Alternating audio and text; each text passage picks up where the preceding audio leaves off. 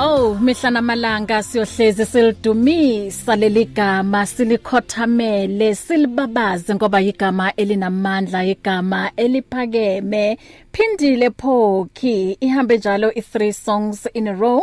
Phambi kwakhe u the late Nezimo no Omega bethi dula leruna morena ntuduzo mathi naye wasibusisa la ethi uJesu lo usesenguye nanamuhla akakashintshi bazalwane. Usesenguyena uNkulunkulu wamandulo. 24 after 3 o'clock. Kwamanje ke ngino Sisilisiho Thekweng okuyena ke kulentambama ezosherela ubufakazi bakhe. Uh, she's also an author yencwadi ebizwa um I got scammed by my husband who married a pastor. Hey bazalwane abantu esiphila nabo kulelizwe.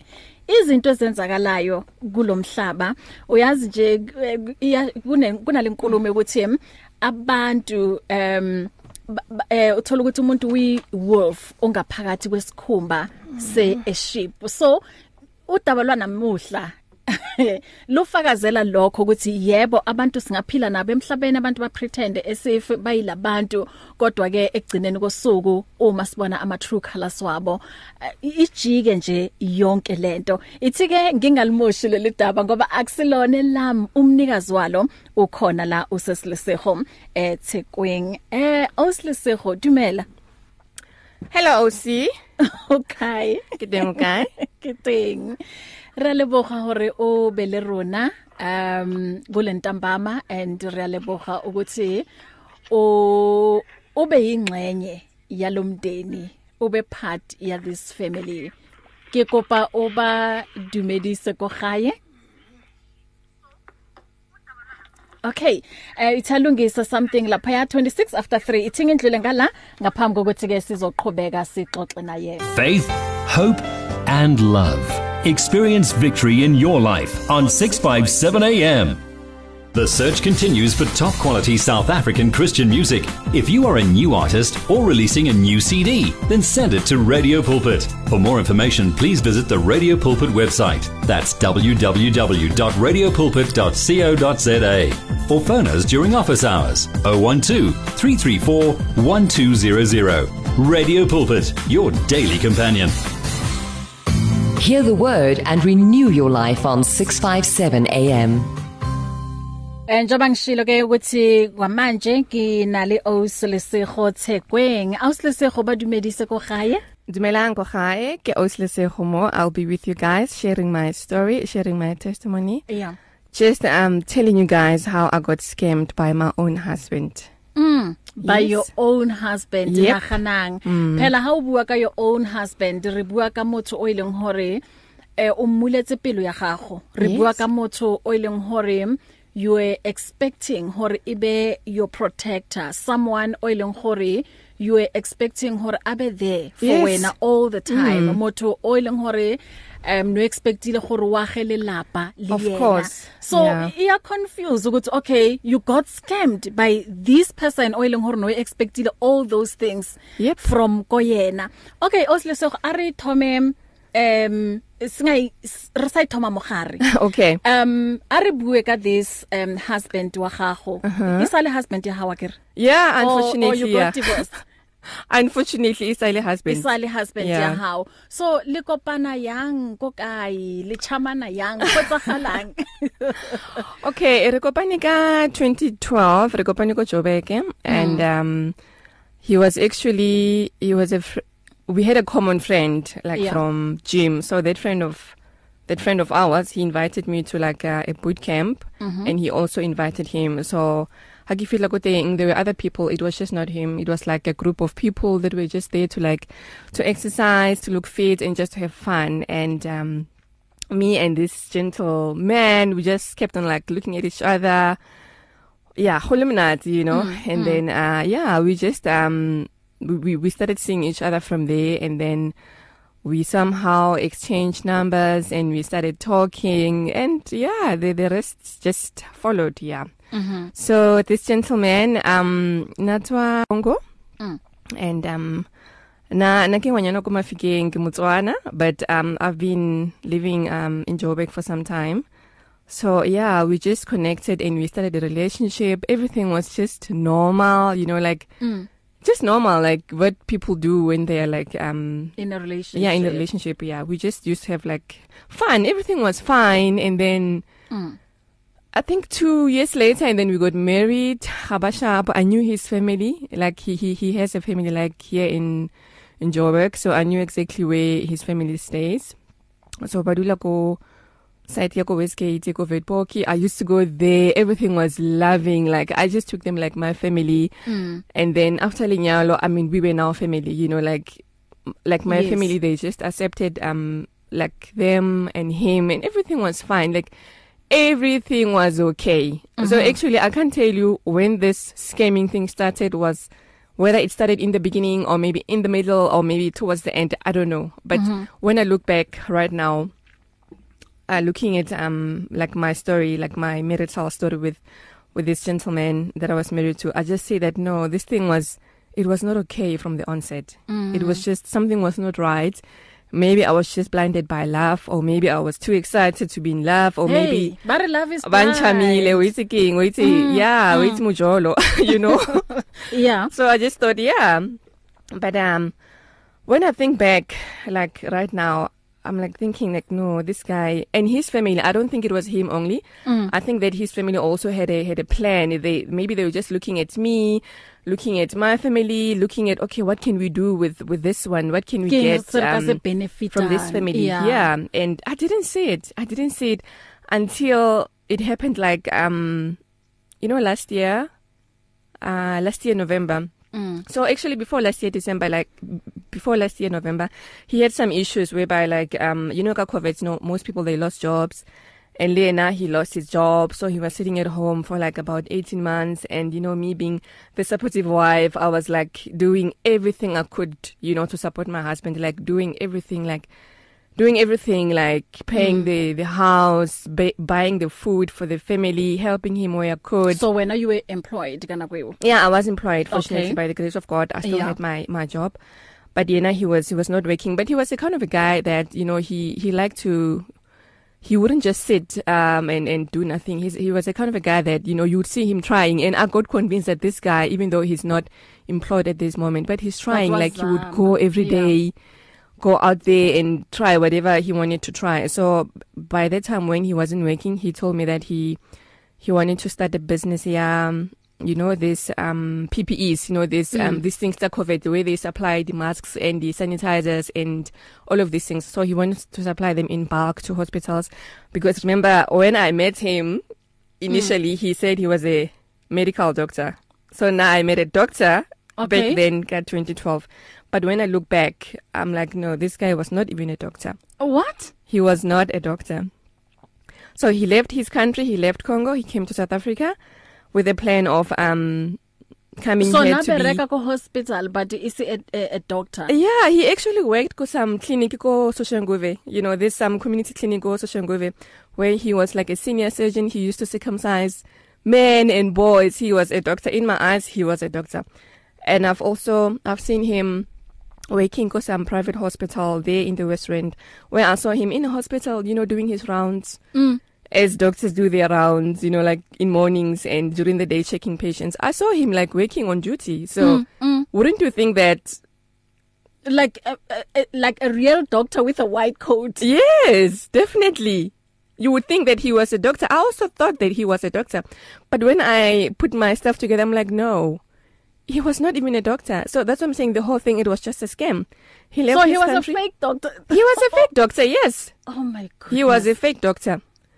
Because I even went to, I took some steps just to try to find out, like, okay, who's this person like? Mm. Because, you know, after after what happened to me uh, last year, I was like, I just wanted to find out, like, who is this person? Mm. Who is this person that I was married to? His name was Kevin, Kevin Kasia.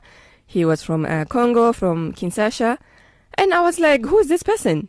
You know, and I started Mm. digging and I found out that no, him actually saying to me that he was a doctor, it was a lie. He was never even a medical doctor. He left his country coming to South Africa to work under false pretensions. And then people, they, they, they believed him that, hey, he was a doctor. Mm.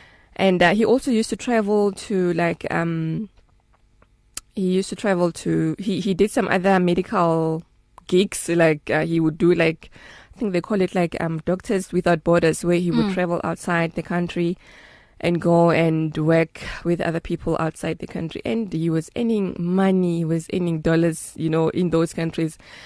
And then this whole medical doctor thing at some point it ended and then Pella, this guy he was smart hey? This guy he was Mm, smart. Mm. after this whole doctor thing and then jiggy jiggy he was like a senior finance manager in some company.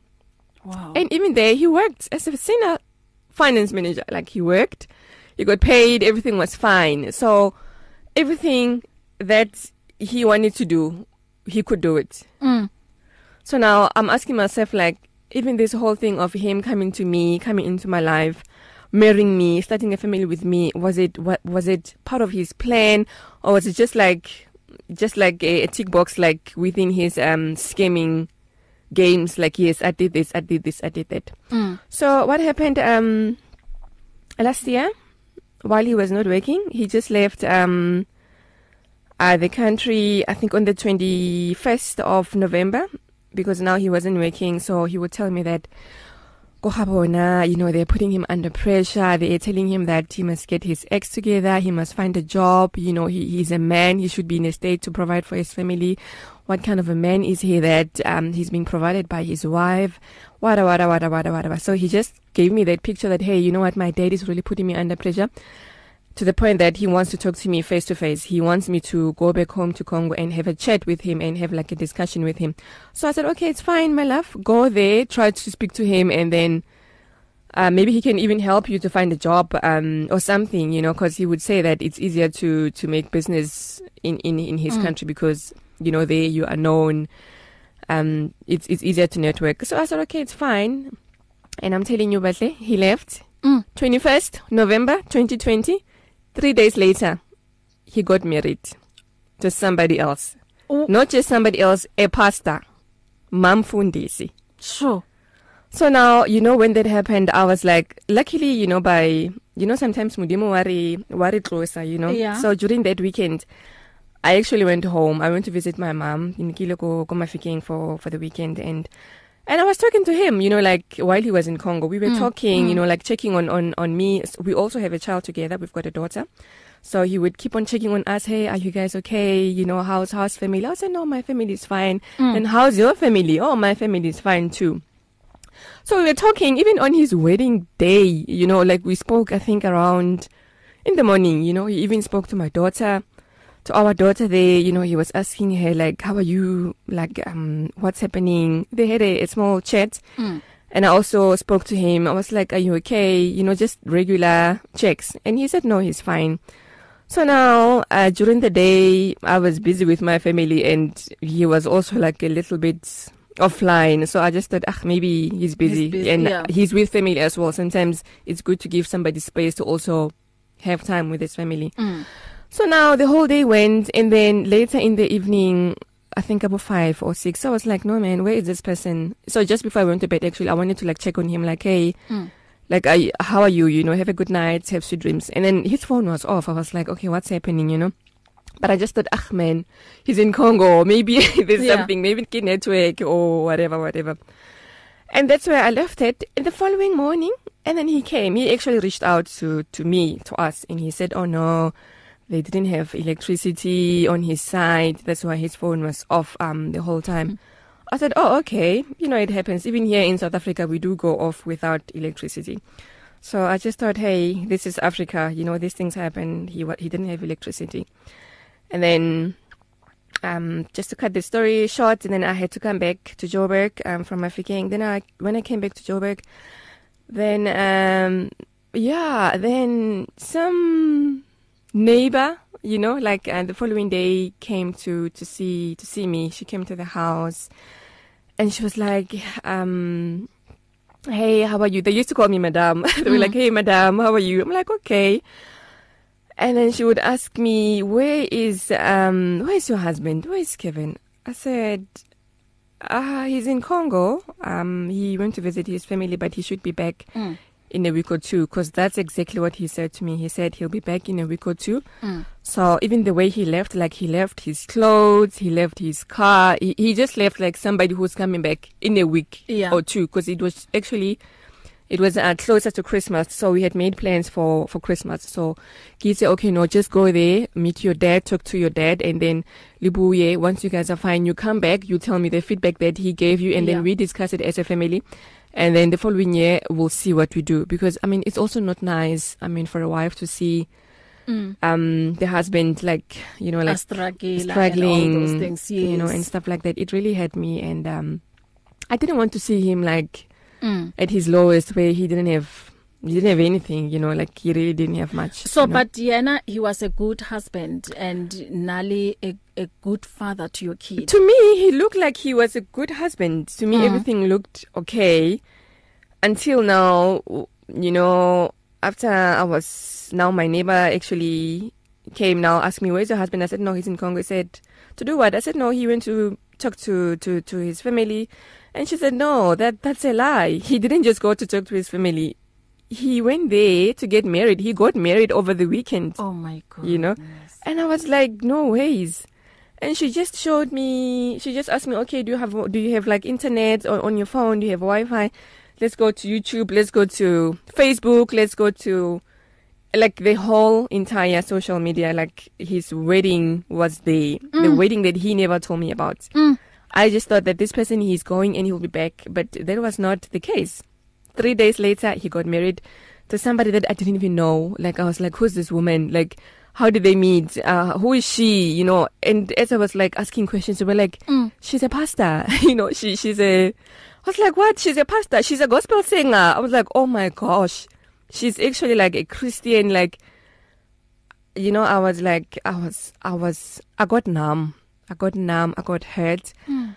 I got like, you know, like the shock that I've never had, you know, my entire life. Like seeing your husband um saying his vows on on on some wedding, you know, meeting some Mm. other person, you know, like watching it live on on YouTube, like, and it was a big wedding, a And it- massive yo, wedding. You know, I saw that wedding. And now Hans and Lily together. Mm. No go sna anything o e suspectayo gore mara this person o o- go na le motho a bonanang le ena or go na le motho o ileng hore wa bua le ena all the time. No, no, no, no, no, no. You know what? But uh, before, Yeah. before, before he left for for Congo, like he was so busy on his phone, like so so busy. And I'll ask him like, "What's happening?" And he was busy with his family. Like I could Mm. hear them talk um Lingala, talk French here and there. I'm like, "What's happening? Why are you guys talking so much?" Like they would be on on the phone for like an hour, two hours, like Mm. having long calls. I'll be like, "What are you guys talking about?" You know. So meaning the family eh, naba plan Of course, of course. They never Sure. plan. Never plan. But knowing hore motho o o nye- o nye- o nyetse yes, ka mo South. Africa. Never plan. So tell me lenyalo la lona ne le se recognized go go Congo. No, we Like- got married here. We got married here in South Africa. We got married eh, go northwest, go Mafikeng. Yes. That's where we got married. Yeah. Untitse Magadi, paid lobola. We did the whole thing. Like everything was okay. Mm. everything was fine. For me, I was just like, so I was just surprised, like, okay, back to, to what happened before he left, you know, the calls and stuff like that, you know, that, that's one thing that I noticed. Mm. And I would ask him, like, what's happening? Why, why so many calls? And he would say, no, these people, they're on my case. These people, meaning his family, Yeah. they're on my case. Babat lagi, I must sort my life out, you know, I must get a job. I must, you know, they're just, um, trying to motivate me, trying to make me see like a way so Mm. that I can, I can put my life back together.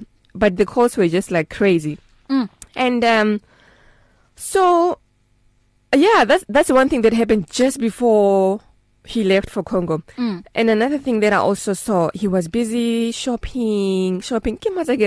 And then, what's a suddenly because you've been telling me that you don't have money. Yeah. Suddenly you are shopping, like there's no tomorrow. And he was like, no, you know, I'm about to go home. And you know how it is when you travel home. People, they send you money and they ask you to buy them stuff. Like he would say that, my, I mean, his neighbors and friends and Mm. family, they've sent him money so that he can buy them stuff from Mm. here in Joburg. And he would travel with them to, to Congo. So mm. I would say, are you telling me that busy bo you are just buying for people? And mm. he said, yeah, I'm buying for people. And while he was buying and packing, he was like very like very cautious, you know, like Kibo Nahori, he's very cautious, like territorial over the, mm. the things that he, he bought, you know. Some of them I saw, but I was also like, you know, like Khemot Obotlari, yeah. Mm. You know, you're not gonna be like busy yes. digging more about yeah. what exactly I inke yes. ya mang i'm not going to ask him okay so say ta se ke sa mang t-shirt e ke ya mang yeah in mang because he said no this is for, for people this is for my neighbors for the community there in my village bangupile because you know Congo, it's not like South Africa. There's so many things that they don't have uh, in Congo that we have mm. in SA. So he just said they, they really begged him to buy stuff for, for, for them. So I was like, okay, fine. I just took his word for it, but it was not like massive stuff, but it was like there was a pig mm. that just came out of nowhere. Yeah, you're shopping on his side. But anyway, nakwela tsamaya, he just left properly. Like, wait again, could I docha? Utamile right. I knew gore wa tsamaya. Yeah. Mm. I knew, I knew that, you know, he's leaving this time. He even asked uh, somebody to take him to the airport because now by that time I get nasa separate, so mm. I didn't even have a. There was a, are things that I had to cut like in the in our expenses. We had a helper. I had to like let go of the helper just so I can save money and be able to to patch the lokamuntu. Mm. Mm. So I didn't have a helper at the time, and our daughter she's like six. So I'm thinking ah, I'm not gonna drive to the airport so early in the morning. So I'm going to okay, how about we call an Uber for you? and then they can take you to the airport because we say his flight was like a very very early flight. I think he said 3 a.m. or something like that. But Liana, he was saying, no, it's not safe for you to actually drive me this time of the morning with a Mm. child. So rather you guys, you stay home, you stay put, you you stay safe, and I will get an Uber. I'll go to the airport as soon as um I get to to to the airport or I get to Congo. Then we will talk. Mm. Everything was fine. I kissed him goodbye. I wish him travel messes. We prayed. Even the night before, we had a husband wife good Mm. night. You know how it is when somebody's about to travel. Yeah. You just want to spend as much time as possible with them. So we had that. Everything was looking okay Mm. until I found out that this guy. I'm going to also say in his family because there's no way that he planned that wedding by Yeah. himself. Those just long cannot be- calls and Yeah, it just yeah. cannot be him and that Mamfundisi that were planning that whole massive wedding, like a three days wedding. Mm. So yeah, to me, I'm just thinking that okay, it was him and his family. They were doing this thing, you know, behind my back. Like you know, that hurts me so much. Oh, that hurt me so much. Like even now, when I think about it, ah, it just makes me want to cry. It's still painful. I can imagine knowing how you have a husband, yeah, but now this person has a tlhola a le mo yeah. So and this was, person o na le mosadi o mong. yeah, yeah. That was very painful. Yeah. And then um so after I found out about about his wedding and um of course I was shocked. So now I also wanted to like you know just say something. So I was out there to tell people that hey, this guy is married, you know. Mm. And before I even did that, there were people that knew us like our friends Yeah. here in Joburg, our neighbors, you know. I get it, that his wedding was so huge on social media, so people were commenting on And the his lady phela ke celeb. Yeah, sa and the lady, she's a gospel yes. singer. Uh-huh. you know so now Mm. people were commenting that hey this guy is married what what what what what what what so now the people in congo now they the the the, the like the not real journalists but like the youtubers the people that are in media now they were getting interested like no who's this what is this story you know Mm, now they were mm. digging digging digging until somebody actually found me and they were like would you like to share your story i said definitely you know Mm. I shared my story. I shared our wedding pictures. I shared where this man was living. He was living with me. I shared his wardrobe, his clothes, his shoes, everything, just the way he left it. His everything. So after my video, actually, Batley, after my video, my me sharing me that story, another lady came out not far from, uh, not far from where we live, not far from our block. Mm. She also came out. She said, "Oh well, that's my boyfriend." Oh my my my I was like, what do you mean? She says, yeah. I've been dating this guy for over a year, and um, he told me that um, he's getting through, like he's going through a divorce. And uh, he's been telling me that since now he's going through a divorce, all his money is frozen. Like he Mm. doesn't have a penny, like he doesn't have a cent. So I've been borrowing him money, and up to date, I've given him like two hundred and seventy thousand rand. A very very sweet lady, a very very matured lady, like fifty years old, beautiful woman from Zimbabwe. Like she, I don't know. Like I, I also think she was scammed. When I tell some people, you know, people they interpret things Yeah. differently. Some people they say no, she knew, but me when I when I look at her and how she approached Yeah. the whole thing, I also think she was scammed Mm. because there, there was a point where now we were go- both going to the police station to lay charges against my husband. Mm. Because even me, before he went to Congo, I gave him money. You know, there were times when he would tell me that, you know, his father is, is sick, his father is critically ill in hospital. He needs like money for medication. You know, Which he needs um, he needed so many things.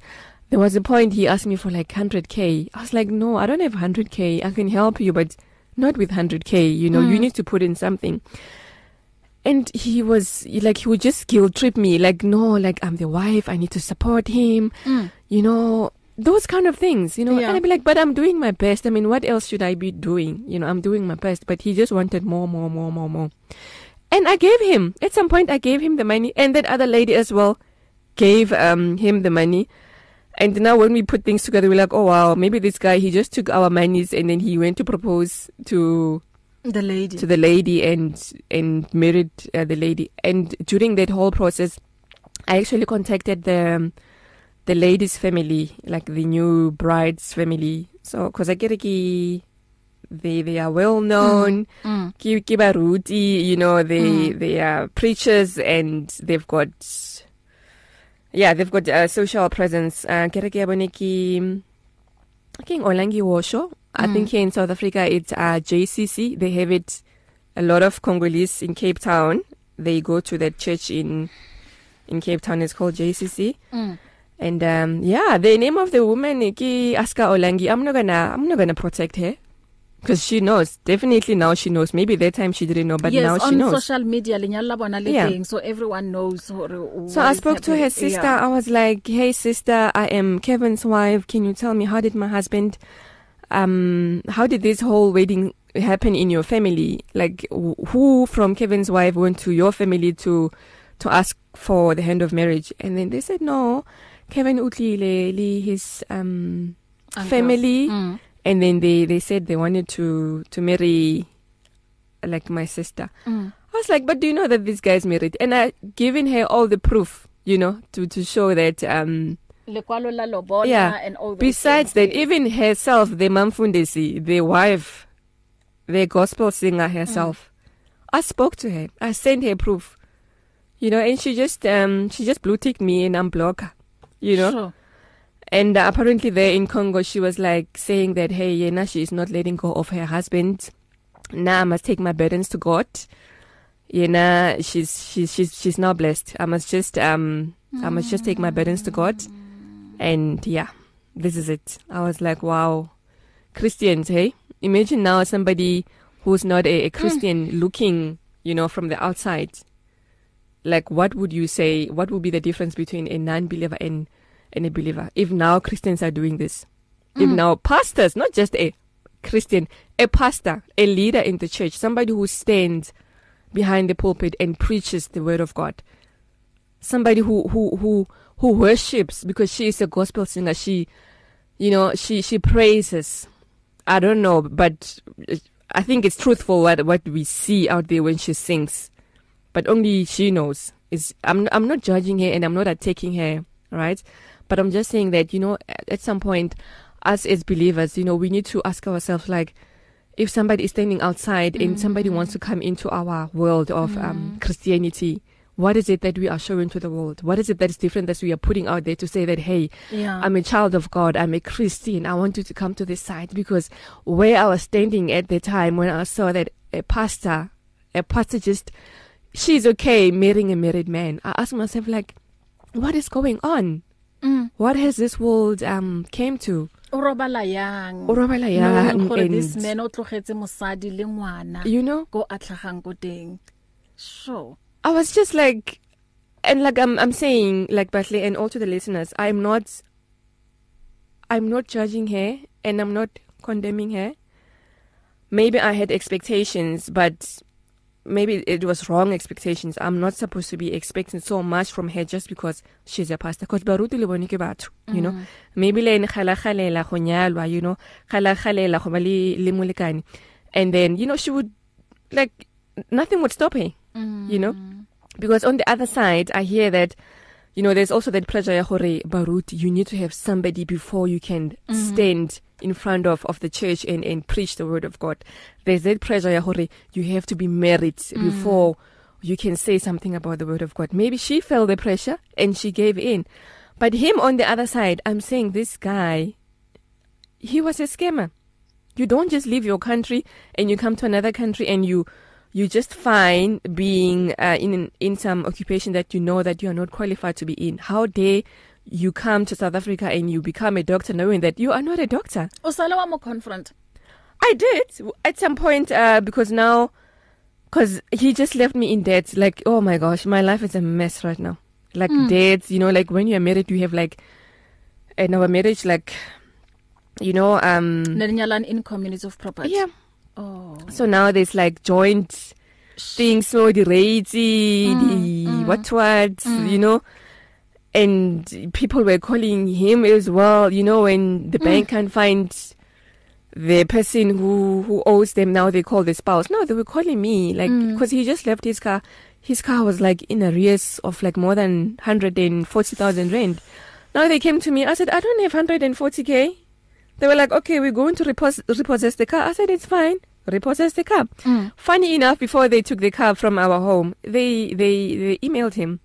They sent him some document that he had to sign, Sign. for him to surrender the vehicle back to the bank. Mm. And I'm telling you, he signed.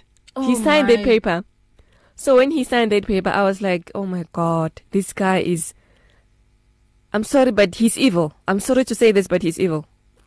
Mm. I just told myself that this guy, he's got no remorse. Remorse. And by him signing that, it tells that he's not coming back. mm. He is not coming back. And I was like, wow, Leseho, you're on your own. You need to, like, even right now, it's like, probably it will take me two years to pay off all of those debts that we accumulated together. Because right now, it's like, yena hadikeni. It's like he just went quiet, you know. And like the story is just so complicated that even where I stay now, it's a house that also has his name on. So I would beg him, "Ke mo kopa hore, please, can you just release the house so that I can move out of this house, go stay somewhere? Can I sell the house? But I think now he's thinking that, hey, she's gonna sell the house, she will take the money of the house, and I'll get nothing. So because of that, he's refusing. He's like, no, I'm not going to sign the papers of the house. So right now, I'm going through a legal battle you know, just to sort my life out. But while I'm going through that, I'm still trusting in God, you know, because I don't know how, how I made it, but I did, I made it. And, um, yeah I'm still believing that, you know, yeah God, He just wanted to spare my life. yeah yeah yeah He yeah. just wanted to save me and He just Yeah. wanted to wrap me around His arms. yeah And because of that, you know, I told myself that no matter how hard it is, I'll keep on getting yeah up. yeah I'll keep on getting up and trusting in God and worshiping Him and I'll keep on praying. amen even though sometimes you know when you are going through stuff you don't even know which prayer to pray yeah but i'm saying to somebody out there that god knows god knows what's happening. Yeah. I told myself that there's a whole thing it's not a shock to to god. There's a whole event. It's like god you know he knew that this will happen. He knew that this day would come. Yeah. And he knew that he will be there for me and he knew that he knew that i'll be okay. Yeah. And I'm at the and point where will be okay. I'm okay yes i might be crying but trust me yeah. I'm okay. I'm in a better space than I was last year, December and January and Feb. yeah Right now, you know, I can I can sleep, you know, and just have a good night sleep. There were point where there was a point where I used to be scared. I thought he would come back, that husband of mine, I thought he would come back and just um show me flames because he was like somebody who was like very aggressive mm. you know like And when he's angry like everybody in the house had to know that he's angry Mm. just to put it that way Mm. so nike tsaba felt like, yo because of these YouTubes and and these videos mm. that I put out there he's going to come here and he's going to kick my knees and what's going to happen to me you know I mm. used to be scared to even go to the shops I'd be like yo maybe he's got people working with him so I used to be so scared so scared but by the grace of God I don't know what happened or how things happened I just got stronger every day I got stronger and stronger and stronger to the point that even he has to come now and face me Mm. I've got no fear at all. No Sure. fear at all. Um oslisego udaba lwakho lo lo painful ngempela but I believe ukuthi someone naye kukhona akufundayo um kulolu daba njengoba bengisho phambilini ngithi kunabantu vela abaningi okuthi um they've been through what you've been through and noma kuukuthi not exactly mm. but kukhona nje abantu abaningi ukuthi th- they've been mm. scammed and then umuntu usaba ukukhuluma uri batlori yo um wena kanti no No shebi saboni, no saboni yeah. no saboni red flags Yeah. ukilwa bona and then babang you know us women barata ho re desperate Exactly. yes wena o o batlang ko mothong o Yo, yeah, but even- yes ba teng bo bo abuti ba mo hae wena o batlang ko bathong ba kontle because you know hore most of the time ba tlile ka mo ba tlo bereka Yeah, that's Ba tlo what le- people say, yeah. yes ba tlo le saka chelete and all mm. those things okay ke kopa hore re maybe re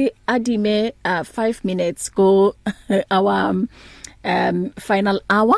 Eh, njoba kwamanje isikhathi sithi 1 after 4 o'clock. Yeah. um mhlambe lapha ekhaya kukhona abathanda ukukhuluma nawe or bathanda ukubuza. Um ithi ke sibanikeze lo 5 minutes. Um 0123341322 uma ke uthanda ukukhuluma nosesileseho noma unombuzo noma ke uthanda ukum encourage or nawe mhlambe u- u- u- uye wandlula lapho. Um ikuphi ongathanda ukuthi u- u- ukusho kuyena? Because this thing i- isali isalintsha because lengwaga awusofeli awusofeli honestly Yeah. yeah o ungathumela ke iWhatsApp ku 0826572729 nanoma kungaba eh ivoice note it's fine ungathumela ne SMS ku 37871 0123341322 sina plus minus sina plus minus 5 minutes. So uma uthanda ukukhuluma naye ngicela ukuthi ngikakuvaleli ngaphandle. Ya ungangena kwamanje. Okay kune WhatsApp lana ithi hey bahle I'm listening. I'm from there um in South Africa but God's mercy endureth forever. Amen. Amen. asiyela elayinini sawubona dumelo semoyeni? Sawubona njani ma? siyaphila baba wenu njani? Ngikhona. mm. Eh ukhuluma no Lebohang. okay lebohang Eh ngiyasiza story sika mala phone Mm. but uNkulunkulu khona you know sometimes Amen. abantu ya kusethi izinto mazenzeka um isikhathi singathi uNkulunkulu akekho uNkulunkulu khona and umuntu makatshala uyavuna ngelilanga mm Eh, eh, eh, uh, just hope with that guy angaphenduka khona uNkulunkulu kahle enze into ezirayo so Yeah. ngithanda ukukhuthaza usisi lapho ukuthi no uNkulunkulu khona angalahli ithemba. Njengoba sekathi ngibona uNkulunkulu uyamphilisa uNkulunkulu uyampholisa. Amen. Amen baba. Amen. ke ngiyabonga. Thank you so much for amazwi akho a encourageayo eh amen.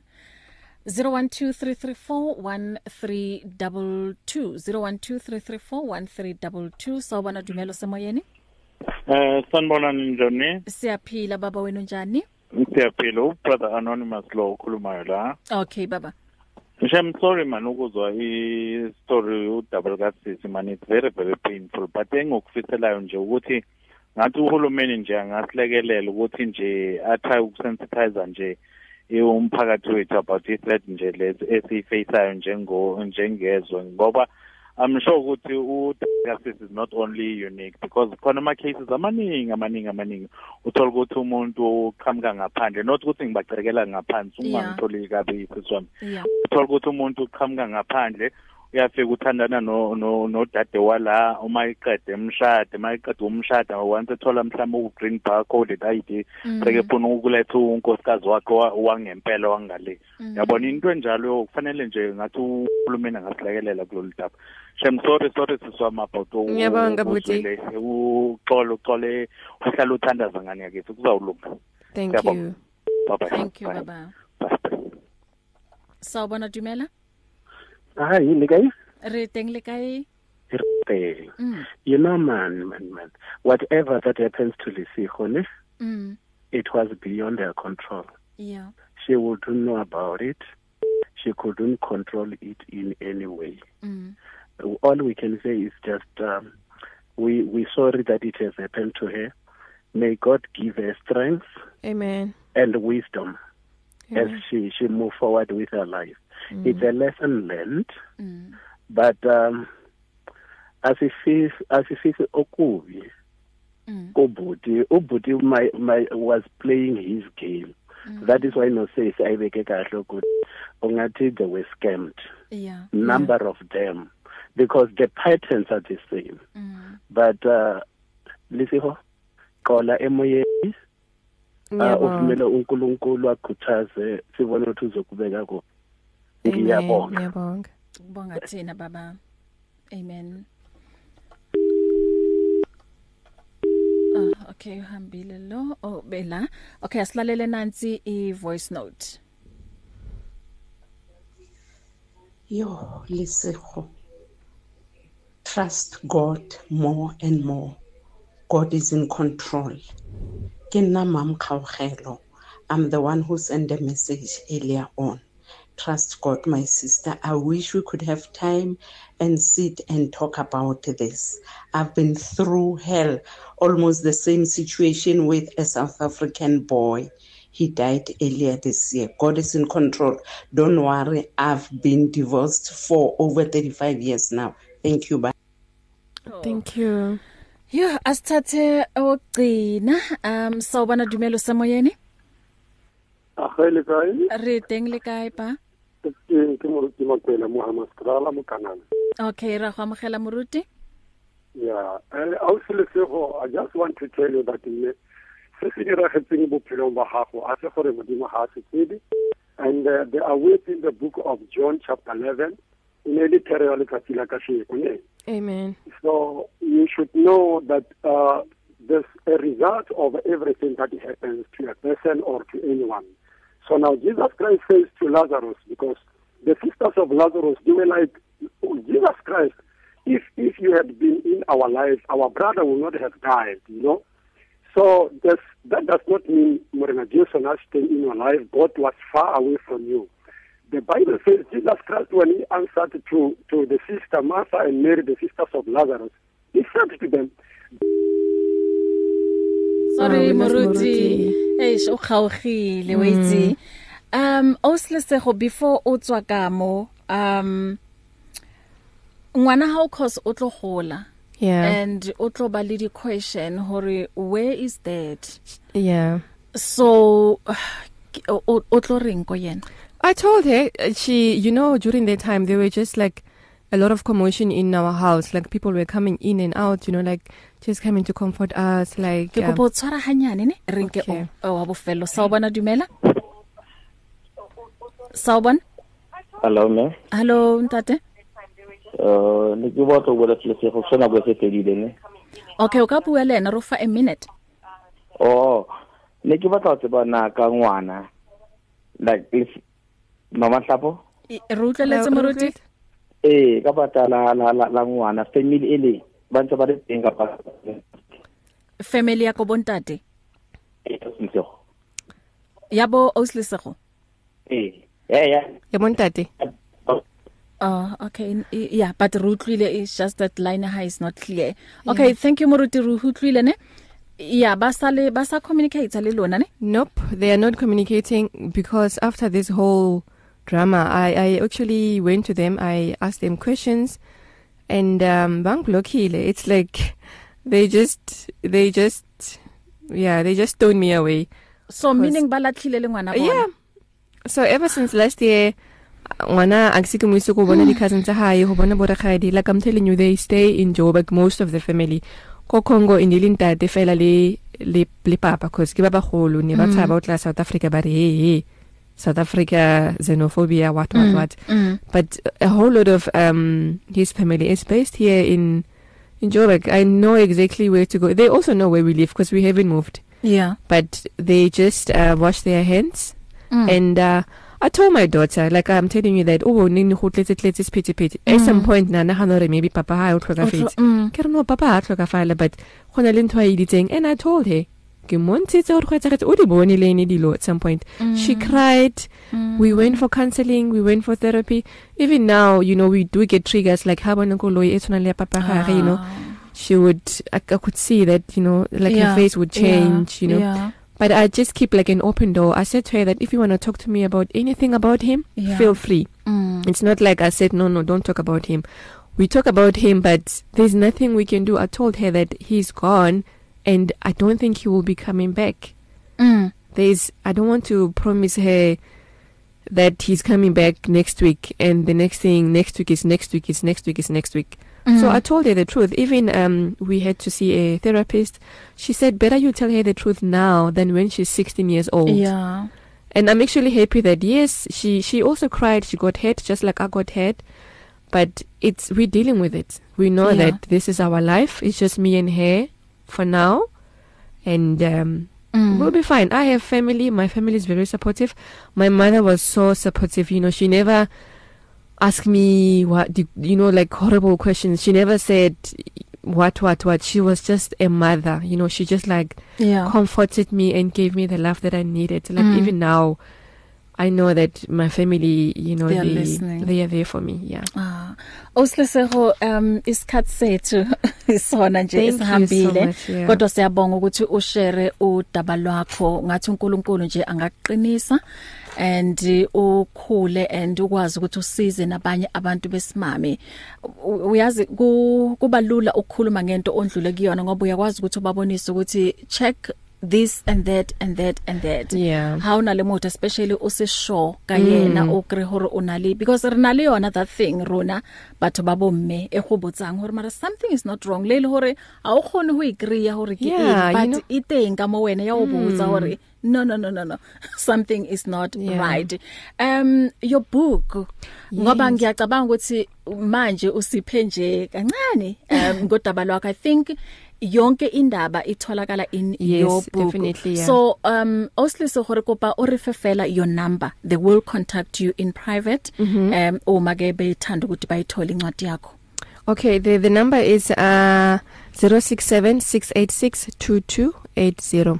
ngicela uyiphinde uyi- uyishaye kancane. 067 mhm 686 2280 okay. Yeah. And then go social media u active akere yeah they can check me on Facebook Lesego Tsekweng on YouTube Lesego T and um yeah we can just um take it from there. Yeah.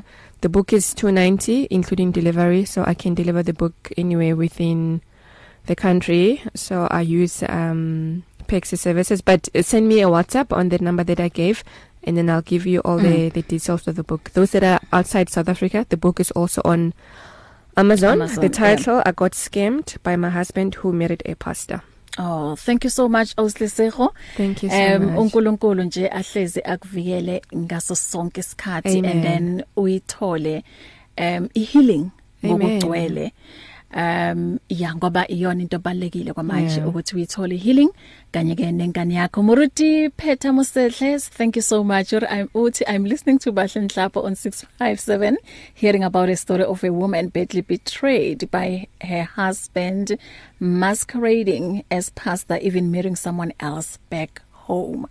God bless you. And asigcinele wena and qhubeke nje uyikhulume le ndaba kungabi khona nje into ezokusabisa sisileseho Thank you so much. Thank you for the platform and yeah, God is good. Even to other women out there who have gone through Yeah. um these kind of situations. You know, when you're going through bad times, hold on to God. Pray, pray and keep worshiping even though you don't know what to say. Just worship. That's what happened to me. I would just worship and worship and worship. Until to the point where I could share my story because in the beginning it was hard. It was just tears. Amen. But now I think joy is here. Mm. And my strength is here in the name of Jesus Christ. ngoba uhamba nobani ah umsindiso kuJesu Kristu amen Yebo.